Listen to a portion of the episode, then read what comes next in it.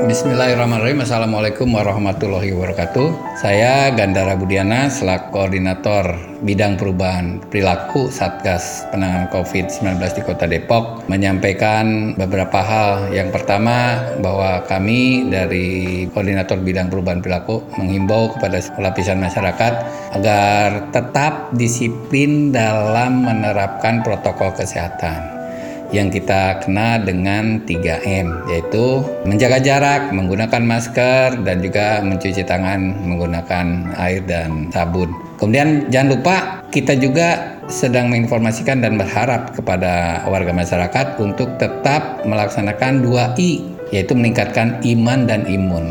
Nah, meningkatkan iman karena kita tahu bahwa Segala sesuatu adalah ada ketentuan Tuhan dan kita harus uh, tetap bersabar, bersyukur dan meningkatkan uh, ibadah kita kepada Allah Subhanahu wa taala. Kemudian pada dalam rangka peningkatan imun uh, kita laksanakan dengan PHBS yaitu perilaku hidup bersih dan sehat. Uh, mudah-mudahan di tahun 2021 dengan berbagai upaya yang sudah kita lakukan, insya Allah semua uh, bahaya, uh, bencana, baik itu COVID maupun bencana alam, mudah-mudahan dijauhkan dari kota kita dan kita diberi keselamatan dan keberkahan. Itu mudah-mudahan bermanfaat bagi kita semua. Saya akhiri bila taufik wa hidayah. Wassalamualaikum warahmatullahi wabarakatuh.